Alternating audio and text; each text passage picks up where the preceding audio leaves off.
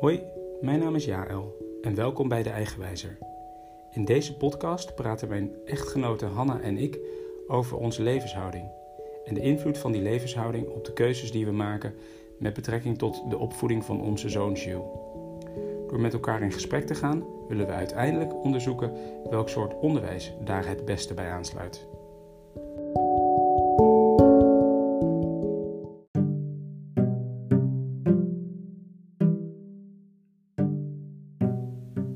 Voor de geboorte van ons kind kwamen we erachter dat we andere keuzes maken dan de meeste mensen in onze directe omgeving.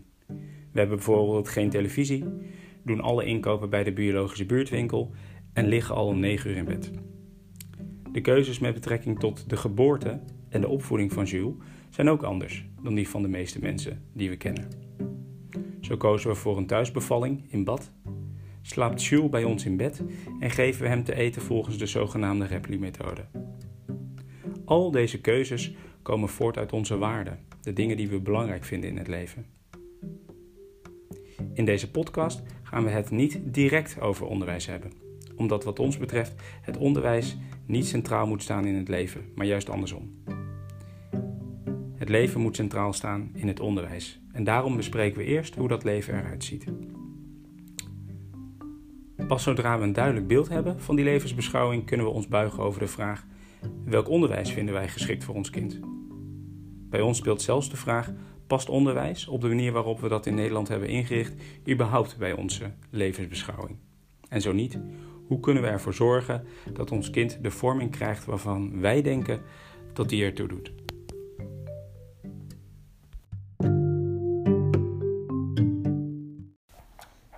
Maar die vragen zijn voor later. Deze aflevering gaat over het slapen met onze baby, ook wel bedsharing genoemd. We bespreken waarom we ervoor kiezen om met Jill in ons eigen bed te slapen, de overwegingen uh, die daaraan vooraf zijn gegaan en de voor- en nadelen die we nu ervaren. Lief. Hoi. Die is nu ruim negen maanden oud en slaapt nu denk ik uh, een half jaar uh, met ons in bed. Zoiets? Um, Zullen we eerst even praten over wat eraan vooraf ging? Ja. Want wij hebben ervoor voor gekozen om een bedje voor hem te kopen. En eigenlijk direct na zijn geboorte hebben we geprobeerd om hem in zijn eigen bed te laten slapen. Ja. Mm, en eigenlijk uh, had jij al gauw het idee dat het anders moest.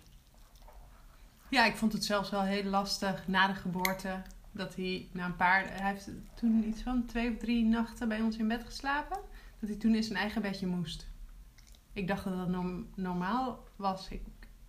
Dat wat normaal was? Het... Dat een kind gewoon in zijn eigen bedje slaapt. Want mm -hmm. dat was veilig en dat, en dat doe je. Dus ik heb er in het begin eigenlijk niet echt over nagedacht. Behalve dan dat ik, uh, dat ik het wel lastig vond. Ja. En um, in het begin sliep Jules... Eigenlijk slaapt Jules vanaf het begin al goed. Ja. Um, hij slaapt alleen niet heel erg vast. Dus hij, um, kan, hij beweegt lekker in zijn slaap en hij, hij praat een beetje, hij zucht en steunt. Ik denk zoals iedere baby. En in het begin was dat iets minder. Maar toen kwamen we op iets van drie of vier maanden en toen werd dat erger. Wat of hij werd, hij werd s'nachts wat vaker wakker. Ja. Nee, dat was, het, was dat het huilen, denk dat ik. Dat huilen was het. Dat hij s'nachts wakker werd en keihard moest huilen en niet meer in slaap kon komen. Ja. En dat heb ik iets van twee weken gedaan. En toen heb ik uit een soort van wanhoop aan jou gevraagd. Ik heb het gevoel dat ik hem in bed moet nemen. Dat gaat een, een deel oplossen. Uh, hoe sta jij daar tegenover? Ik had ondertussen al wat erover gelezen. En toen zei jij nee. Nee, nee ik wilde daar echt niet aan. Ik uh, vond dat echt heel erg eng. En ik denk dat ik het eng vond omdat uh, nou, het enige wat ik, waar ik aan dacht was wiegedood. Ja. Um, ik denk dat ik uh, heb geleerd dat kinderen in hun eigen bedje moeten slapen, want dat is het meest veilige. En dan vooral op hun rug. Want um, ja, als je bij je bed slapen, dan is de kans heel erg groot dat je op ze gaat liggen en dat ze dan sterven. Ja.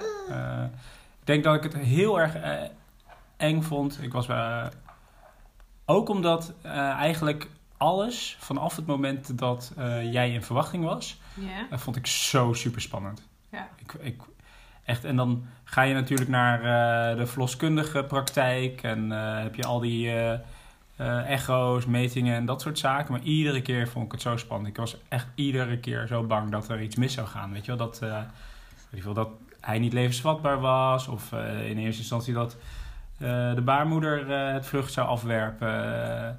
dat soort dingen. En ook, ook natuurlijk, de, ondanks dat de bevalling super goed ging, vond ik dat zo spannend. Ik dacht van wow. Ieder moment dacht ik van er kan wel iets misgaan.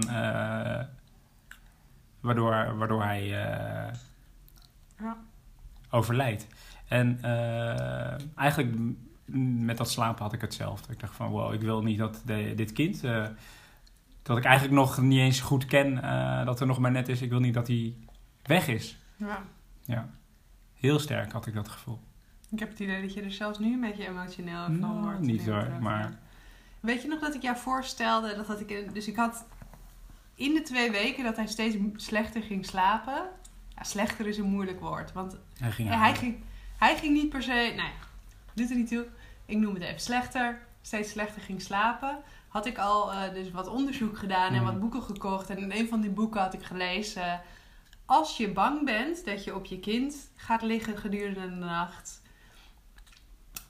Probeer dan eens een nachtje naast een Quantaloop, meloen, Ja, te gaan liggen. En dan zal je merken dat je daar echt niet zomaar bovenop rolt. Ja. Weet je nog dat ik jou dat Ja, voorstelde? ik, ik denk dat dat beeld wel een beetje heeft geholpen. Ja? Ja, serieus. Ik dacht van, ja, stel je voor, ik ga naast een watermeloen liggen. Ja, en ik ga er tegenaan liggen, daar rol je, rol je niet overheen. Nee. Dus ik denk dat dat wel een klein beetje heeft geholpen. Ja. Ehm, En wat natuurlijk ook meespeelde, is dat eigenlijk al vanaf de geboorte we hem s'morgens wel in bed namen. Mhm. ja. Tegen de Sliepen ochtend. we niet ook al in de middag met hem samen? Ja. Oh, dus eigenlijk sliep hij dan op, ons, op onze borst. Alleen s'avonds of s'nachts sliep hij de eerste maanden in zijn eigen bed. Ja, en tegen de ochtend namen we dan zelf in bed, omdat hij om vijf uur wakker werd. Hmm. En ik wilde graag doorslapen. En als ik hem op mij nam, dan sliep hij nog wel even door. Ja. Uh, Maar dat vond ik wel spannend. Want ik wist dat de manier waarop ik dat deed, dat dat niet helemaal veilig was. Want dan nam ik hem, dan lag ik. En dan nam ik hem bovenop Ja. mijn borst. Maar aan de zijkant kon hij er zo afrollen. Ja. Dus ik wist wel, als, we, als ik hem in bed zou nemen, dan zou ik wel me daar goed in moeten verdiepen. Ja. Hoe je dat veilig kan doen. Nu doen we het al een tijdje. Ja. Ehm, nou, wat, wat, wat is precies hetgene dat je doet om ervoor te zorgen dat hij veilig in bed kan slapen?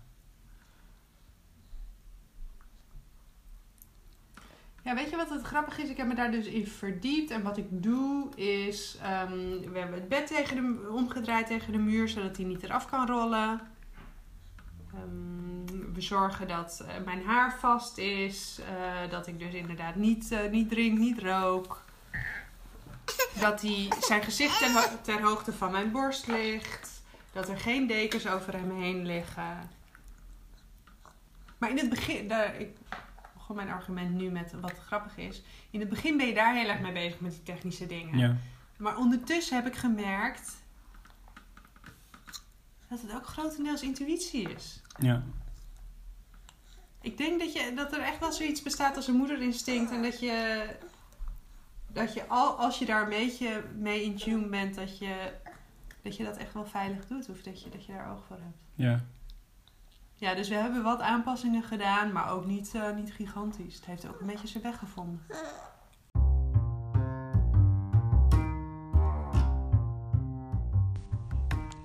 Deze aflevering is mede mogelijk gemaakt door de zon. Want zonder de zon is er überhaupt geen leven mogelijk op aarde.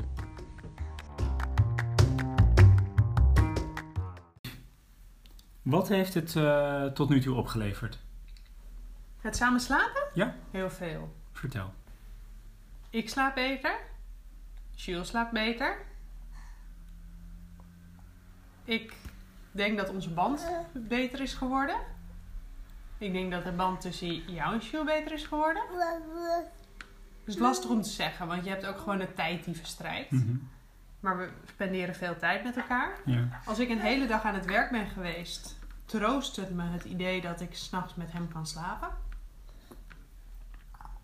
Het belangrijkste is gewoon dat, dat wij beide beter slapen. Ik, Mhm. eh, ik hoef er niet, als hij een beetje begint eh, Te morrelen. te morrelen, hoe wij dat zo mooi zeggen altijd, eh, hoef ik er gewoon niet uit. Hm. En dan kan ik hem een keertje op zijn rug aaien of door zijn haar gaan en hem een kus geven of hem voeden half slapend. En binnen vijf minuten slapen we weer verder. Dus hij, ik voed hem nog in ieder geval twee keer per nacht. Ja. Dat is geen big deal. Dat doen we even tussendoor. En ik, ik slaap relatief goed. En wat ik eigenlijk ook wil je zeggen, wat heeft het me gebracht? Wat ik ook wel lekker vind, is dat we s'avonds meestal met z'n allen naar bed gaan. Ik Ja. vind dat wel gezellig. Er zijn wat momenten op de dag die wij heel erg eh, koesteren. Ja. Eh, natuurlijk het opstaan, eh, ontbijten. In het, in het weekend. ja, Ieder moment. In het weekend het samen lunchen, Ja. Avondeten en naar bed gaan. Dat doen we allemaal samen. Ja. Ja. Wij doen veel samen. Je noemt ook eh, dat het borstvoeden eh, makkelijk gaat. Ehm, Ja. in hoeverre ehm, is eh, het borstvoeden belangrijk, een belangrijke factor? Zeker weten, want als hij, als hij geen borst, als ik hem niet, hoe zeg je dat, borstvoeding had gegeven, Ja. borst had gevoed, Ja. dan, eh, dan was hij denk ik nooit opgekomen. Want hij, toen hij zo drie of vier maanden was en wat slechter ging slapen, was ik de enige die daar iets mee kon. Ja. Omdat hij afhankelijk van mij was. Ja. En als, hij dan, een- als dat niet het geval was en hij had kunstvoeding gekregen, dan had jij dat ook kunnen doen. Dus dan was de noodzaak er minder om hem in bed te nemen. Had hij waarschijnlijk uiteindelijk naar zijn eigen kamer gegaan. En hadden we, nou, hadden we het denk ik zo geregeld. Het Ja. feit dat ik borstvoeding gaf en we zo verbonden met elkaar zijn, nog steeds, ehm, maakt dat, dat eh, ik wilde zeggen, ehm, samen slapen eh, beter werkt, maar dat werkt beide kanten op. Ja. Het samen slapen werkt beter en de borstvoeding werkt beter. Ja. Denk je ook Ik dat vraag, je... me, sorry, ik vraag me af hoe moeders dat doen die wel borstvoeding geven, Mhm. Maar niet samen slapen. Dat lijkt me zo vermoeiend. Ja. Ja. Want je kan het niet afwisselen met je partner en je moet steeds uit bed. Ja. Het schijnt ook zo te zijn dat dat het beste samen gaat. Hè? Dat als je borstvoeding wil geven, dat je het beste gewoon met je kind samen kan slapen. Ja, dat had ik toen, toen ik me erin ging verdiepen ook gelezen. Dat ehm, het vooral veilig is voor moeders die borstvoeding geven. Hm. Omdat je dus zo... Hoe zeg je dat? Symbioot? Noem je dat symbiotisch? Ja, ja. Ehm, Op elkaar reageert. op elkaar reageert. van elkaar afhankelijk bent eigenlijk. Wij worden op ongeveer op hetzelfde moment wakker. En we vallen op hetzelfde moment ongeveer weer in slaap. Ja. En dat vind ik dus, ja, wat brengt het me ook dat? Het idee dat, eh, ja, dat we zo afhankelijk van Ja. elkaar zijn. Ja. Genegenheid is er dus ook een stukje. Ja, het gaat zo ontzettend snel. Op een gegeven moment wil hij dat niet meer, dat weet ik nu al. En dan ga ik hier heel erg naar terug verlangen. Hij bijt jou gewoon. Ja, is, ter, is Hij heeft net lekker gegeten. voeren, is En het hij gebruikt mijn arm als Ja. eh bijtring. Het doet heel erg zeer, maar dat maakt niet uit. Alles voor de podcast.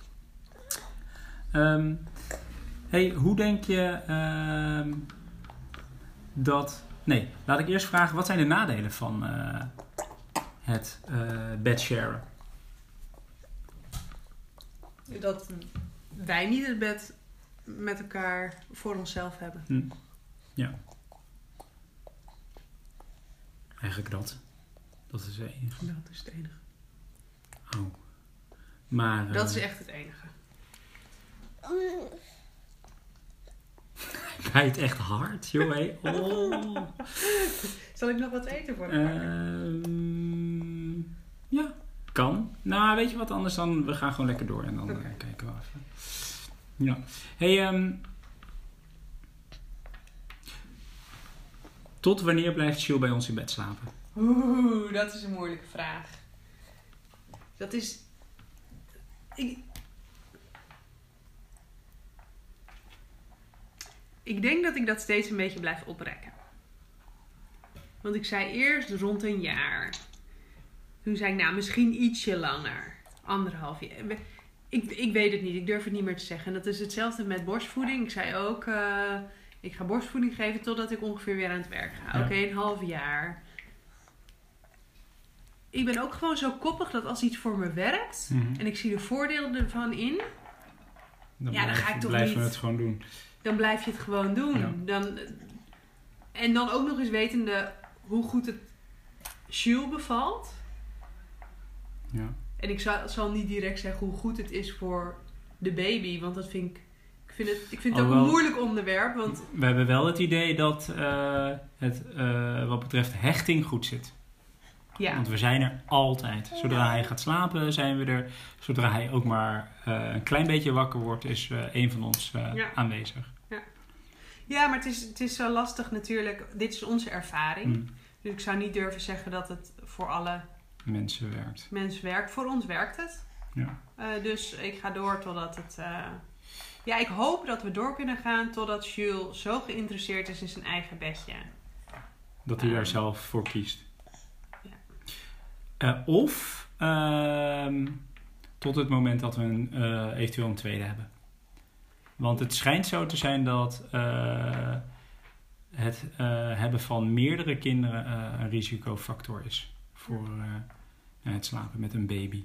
Omdat Ja. de grotere kinderen die, die voelen zich toch aangetrokken tot eh, de baby. En het, Oh, is dat de reden? Dan gaan ze s'nachts daar naartoe of zo. ja, dan eh, gaan ze erop liggen. Oh. Ja. Nou ja, dan, ja, inderdaad. Of er moet een andere baby komen. Maar er zijn ook best wel wat. Toen ik me erin aan het verdiepen was, zijn er best wel mooie, hele bedachtzame manieren om je baby aan zijn eigen bed te laten wennen. Je baby, dan is het helemaal geen baby meer. Om je peuter aan zijn eigen Hmm. bed te laten wennen. En wat mij betreft, als er stel je voor zou een nieuwe baby komen, dan mag Jules nog wel bij ons in de kamer slapen. Ja, zeker weten. Ja, gewoon in, in eh, zijn eigen bed dan, denk ik. Ja, En ja eh, dan worden we zo'n familie. waarschijnlijk komt hij dan eh, in de ochtend toch weer tegen ons aankruipen. Ja. Ja. Ja, ja, nee, van mij mag je, mag je erbij blijven. En inderdaad, eh, het zou fijn zijn om op een gegeven moment weer het bed voor ons tweeën te hebben. Maar ja, dat ga- gaat echt wel gebeuren. Zeker weten. En ik moet nog de rest van mijn leven... eh, Met mij doorbrengen. ja, dus ja, die paar jaar. ja. Ja,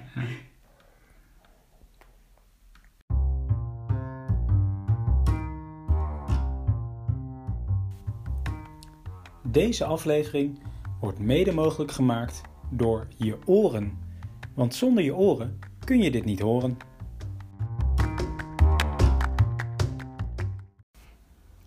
We praten nu net iets zachter, want we liggen met Jules in bed. Ja. Maar Hanna wilde nog graag iets zeggen.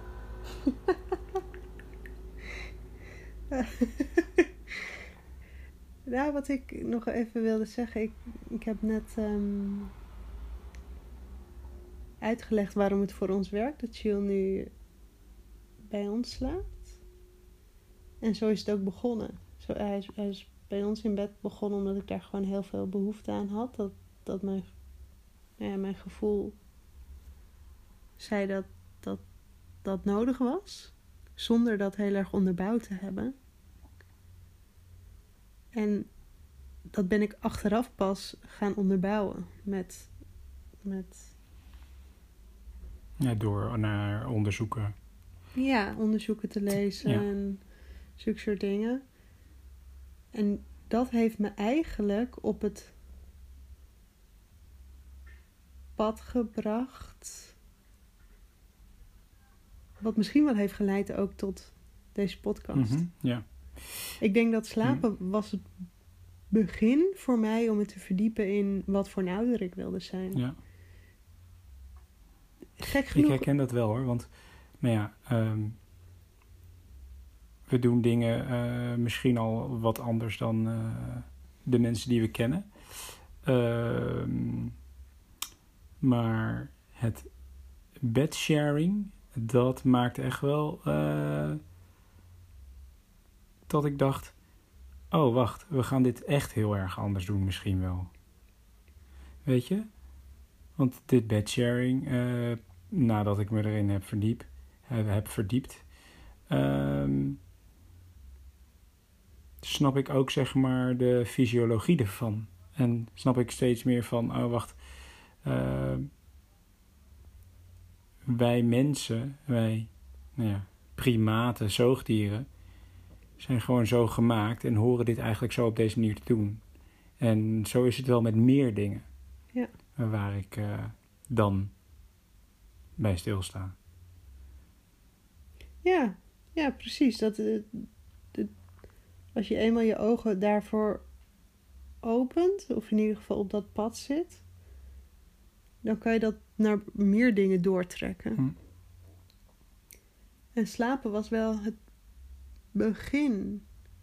En het gekke is, ik had me best wel verdiept voordat ik. Uh, voordat we Jules kregen in het, in het ouderschap. Maar wel in, in die ene ouderschapstijl. Mm Ja. En het is dus echt waar dat gaandeweg je je eigen manier vindt. Ja, ja inderdaad. En dit is natuurlijk de manier die voor, voor ons uh, passend is. Ja, die past die ook gewoon heel erg bij, bij wie wij zijn. En, en wij geloven erin dat, uh, dat we Jules daarmee een hele veilige basis meegeven. Mm -hmm. um, en dat, dat is er. In het begin was het heel erg gericht op, op een soort van veiligheid, um, uh, ontwikkeling, intelligentie van die hele afgebakende dingen. Mm -hmm. En sinds ik hem in bed heb genomen, sinds wij hem in bed hebben genomen, is, is mijn focus ook een beetje veranderd op ouderschap. Veel meer in de wat meer zachtere kant van hoe kan ik hem nou een gevoel van veiligheid meegeven en, en hoe wordt hij een, een zelfvoorzienend en zelfverzekerd mens. En ik denk dat de stappen die we nu ondernemen in ieder geval erin bijdragen. Dat Jules dat nu is. Want dat merk ik, ik weet niet waarom, maar ik heb het idee dat je dat al aan hem merkt. Bijvoorbeeld, best wel veel baby's hebben een periode van verlatingsangst. Mm-hmm. En misschien komt het nog hoor. Maar wij ja. maken dat niet mee, omdat we zijn veel met hem. En hij slaapt bij ons. Normaal maak je dat dan mee als je je kind op eigen kamer legt en dan naar, daar weggaat. Ja. Dus het is gewoon helemaal niet aan de orde. Nee, het is op dit moment zo'n vrolijke jongen die heel goed in zijn eentje kan ontdekken en spelen, wetende dat wij ergens op de achtergrond er wel zijn. Ja. Hij lacht naar iedereen, iedereen in het wild. Ja. In het wild. het uh, o zo wilde Amsterdam. En ik weet niet hoe het zou zijn geweest als we het anders hadden gedaan. En we weten ook nog niet hoe het gaat uitpakken op de lange nee, termijn. Nee. Maar voor ons werkt het in ieder geval. En, en, en, maar voor ons werkt de manier van opvoeding al geheel. En dat wilde ik dus nog even zeggen. Dat, uh, dat slapen heeft wel de deur geopend naar meer dingen.